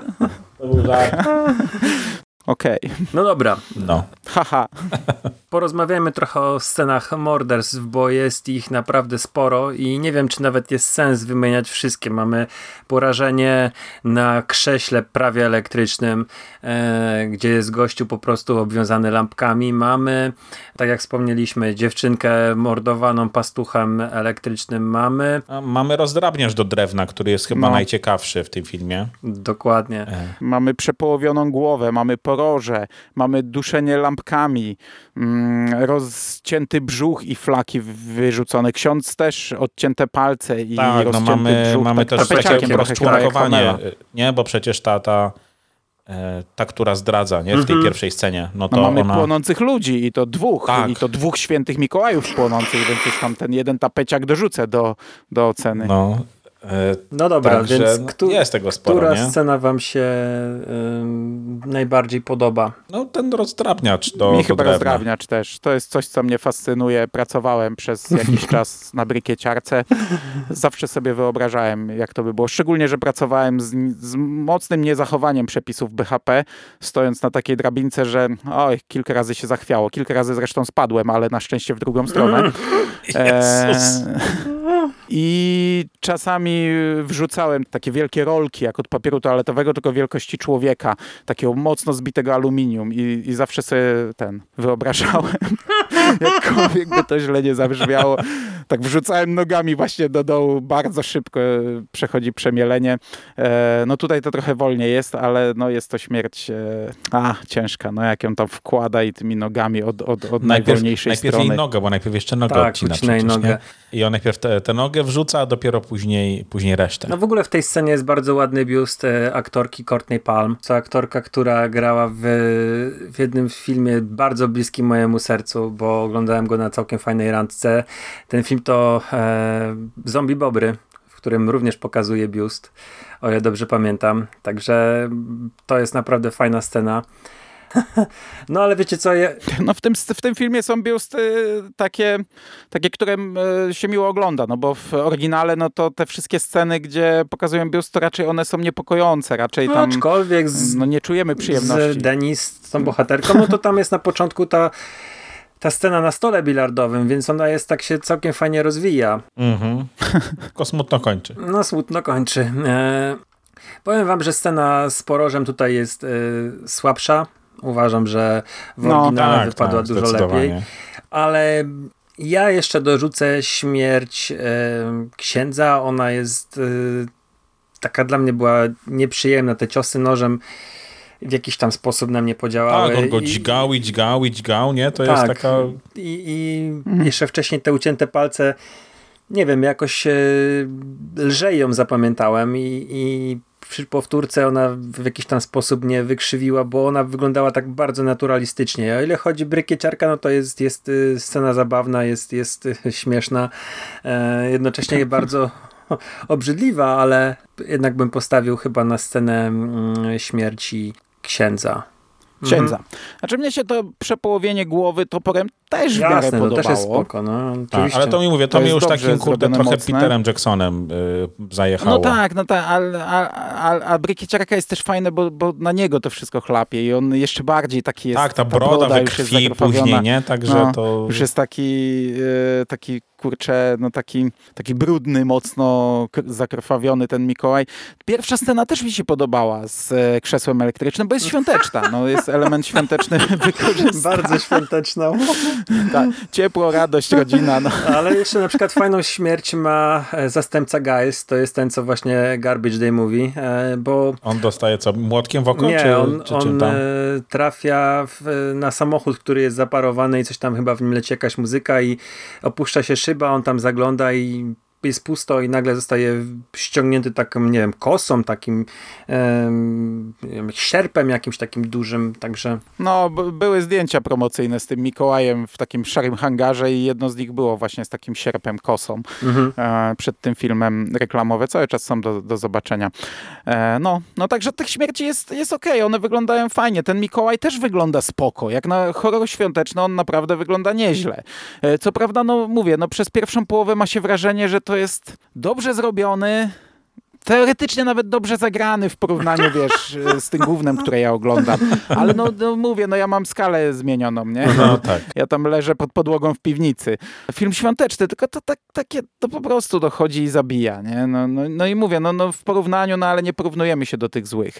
To, to wygląda ok, bo tych świąt tu jest też dużo. One biją, e, te, te, te są kolorowe, te lampki, parada Mikołajów. Tylko nie ma śniegu. Nie? No tak. Nie ma w ogóle? Nie ma no w ogóle tak, śniegu. No, nie ma, nie ma. Przecież ona nago biega w świetle dnia Bezśnieżna po, po, po trawce. Znaczy, no, słuchajcie, no, natomiast jeśli porównywać by to z tym rzekomo oryginałem, no to, to nie ta liga w ogóle. Jak dla mnie to, mm. tak, to, to, to mi trochę takim SRS-em pachniało momentalnie, y, momentami. E, natomiast, no kurczę, no to ten oryginał to jest jednak dobry film, po prostu. Nie? Już zresztą powtarzaliśmy to nieraz w trakcie tego nagrania. No, o tym filmie absolutnie nie można nic takiego powiedzieć. No, ten film ma przede wszystkim gówniany scenariusz, bo ja go widziałem dwa razy i no, naprawdę... Nie ma scenariusza, no kurde, po prostu. Ciężko mi było się jakoś połapać w tym, co się dzieje, szczególnie, że tak jak wspomniałeś o aktorzy nie pomagają. Oni mają jakieś totalnie dziwne dialogi, często jakieś, nie wiem, pretensje do siebie. Nie wiadomo z jakiego powodu ta podbudowa e, się całkowicie nie udaje. Te, te wątków, tych wątków jest kilka. Przecież jest chłopak, który jest u swojego dziadka, który też nagle mówi, zaczyna coś, e, który później ginie z córką tego e, burmistrza. No to, to, to jest, to jest mhm. takie, wiecie, totalnie mm, to jest bardzo podobnie chcieli, podejrzewam, w założeniu zrobić e, ten Rampage, to już użyję takiego słowa, tę furię Mikołaja, jaka była w przypadku Billiego, tylko że ona tutaj jest jeszcze jakoś głupio podbudowywana e, fabularnie i, i, dla mnie to, to było przynajmniej ja początkowo próbowałem za każdym razem się doszukać jakiegoś sensu w tym filmie i chyba rzeczywiście niepotrzebnie. Mando, przesłuchałem twój podcast, gdzie y, omawiałeś ten film, te całe 5 minut. Ja tam narzekałem chyba na to, że jest tak, zbyt poważny. Dokładnie. To... Mhm. No, no bo właśnie o to chodzi, że jeśli E, wiesz, ten poprzedni też był poważny, ale miał historię. Miał bohaterów, którzy wzbudzali u nas emocje. Tutaj tego nie ma. Tutaj jest e, facet, który chodzi i zabija. Więc ja na samym początku, jak zacząłem to oglądać, ja pamiętałem te swoje słowa.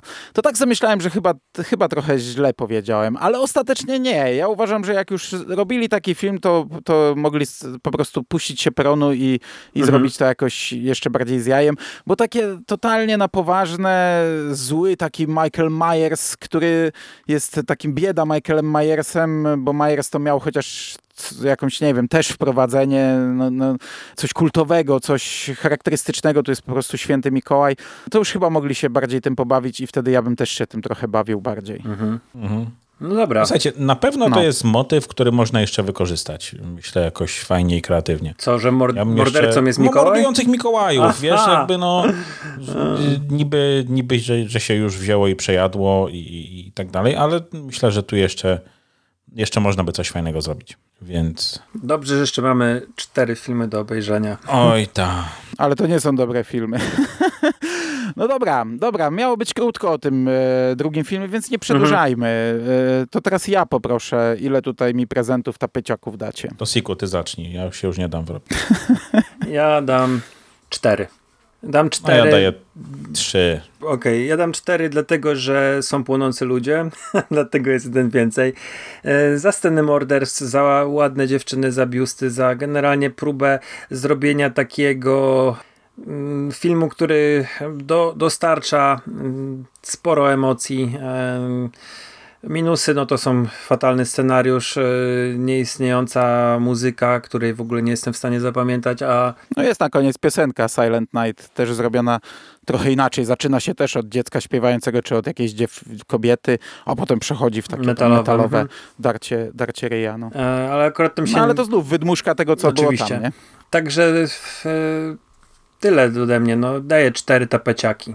Mandaty? Ja znów jestem rozdarty, bo mówię, jak na, wiesz, obejrzałem e, około 190 horrorów świątecznych przez te 12 lat i no większość była gorsza, a, a większość nawet była dużo, dużo, dużo gorsza. Wiesz, oglądam filmy na poziomie rekinów z kukurydzy, tylko że re, te, te rekiny mają czapkę świętego Mikołaja na przykład, nie? E, także uważam, że to jest e, śmietanka, to jest jeden z lepszych filmów z tych 190 filmów, jakbym miał wybierać, to gdzieś tam by się, nie wiem, w trzeciej dziesiątce może znalazł pewnie, albo w drugiej, więc powinienem go ocenić wyżej jak na film świąteczny, ale no zestawienie go z oryginałem e, to, to, to, to jest nieporozumienie jakieś, ale i tak, tak jak tutaj krytykuję, mówię, że jest złe, ale ja bym dał ze 4-5 tych tapeciaków mimo wszystko. cztery i znów tam jakiś ten odłamany ząbek powiedzmy, czy ze dwa. Mhm. No. no dobra, niech będzie zobaczymy, co będzie przy kolejnych. Jak na świąteczne horrory powinienem to ocenić wyżej. E, no bo mówię, bo, bo to no, no nie, nie czuliśmy tego, co przy rekinach z kukurydzy. Nie, nie, nie no ale tam rekinom daliśmy no, jeden nie. ząb rekina, a, nie, a, nie, a tutaj dostał cztery tapeciaki, to uważam, że to no, jest no, sprawiedliwe. No, no, to 400%, Parę klas wyżej, no. no. Okej, e, my tak jak powiedziałem, spotkamy się jeszcze niebawem, e, chcemy przez to przejechać szybko. No niestety panowie, nie ukrywajmy, no to, to nie będą dobre filmy, ale może mnie zaskoczą, może mnie zaskoczą tak jak z Dziećmi Kukurydzy. Myślałem, cały czas zapowiadałem jak to będzie bardzo źle, a tak bardzo źle nie było. Podzielimy to też po dwa filmy, w kolejnym podcaście omówimy dwójkę i trójkę. To fabularnie ma sens, bo dwójka i trójka jest jeszcze sequelem e, jedynki.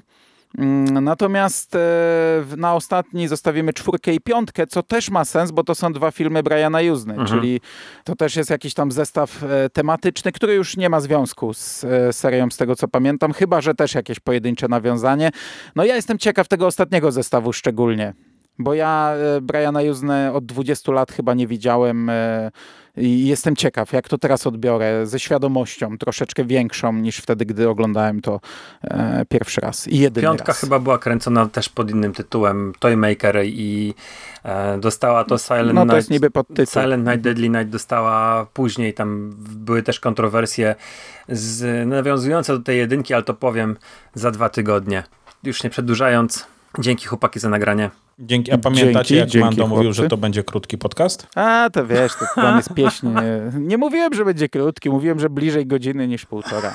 Udało się. A, no, no, nie spodziewałem się szczerze, ale to tak e, co drugi podcast kończę tymi słowami i takim żartem, także wiesz, to już żart z brodą dłuższą niż ten Mikołaj w Silent Night. E, No, i brudniejszą. Także bardzo miło mi rozpocząć ten grudzień z wami, tym spin-offem świątecznych horrorów i miejmy nadzieję, że do końca grudnia uwiniemy się z tą serią. Dzięki jeszcze raz za rozmowę i do usłyszenia za tydzień. Cześć! Cześć. Cześć! Punish! Naughty.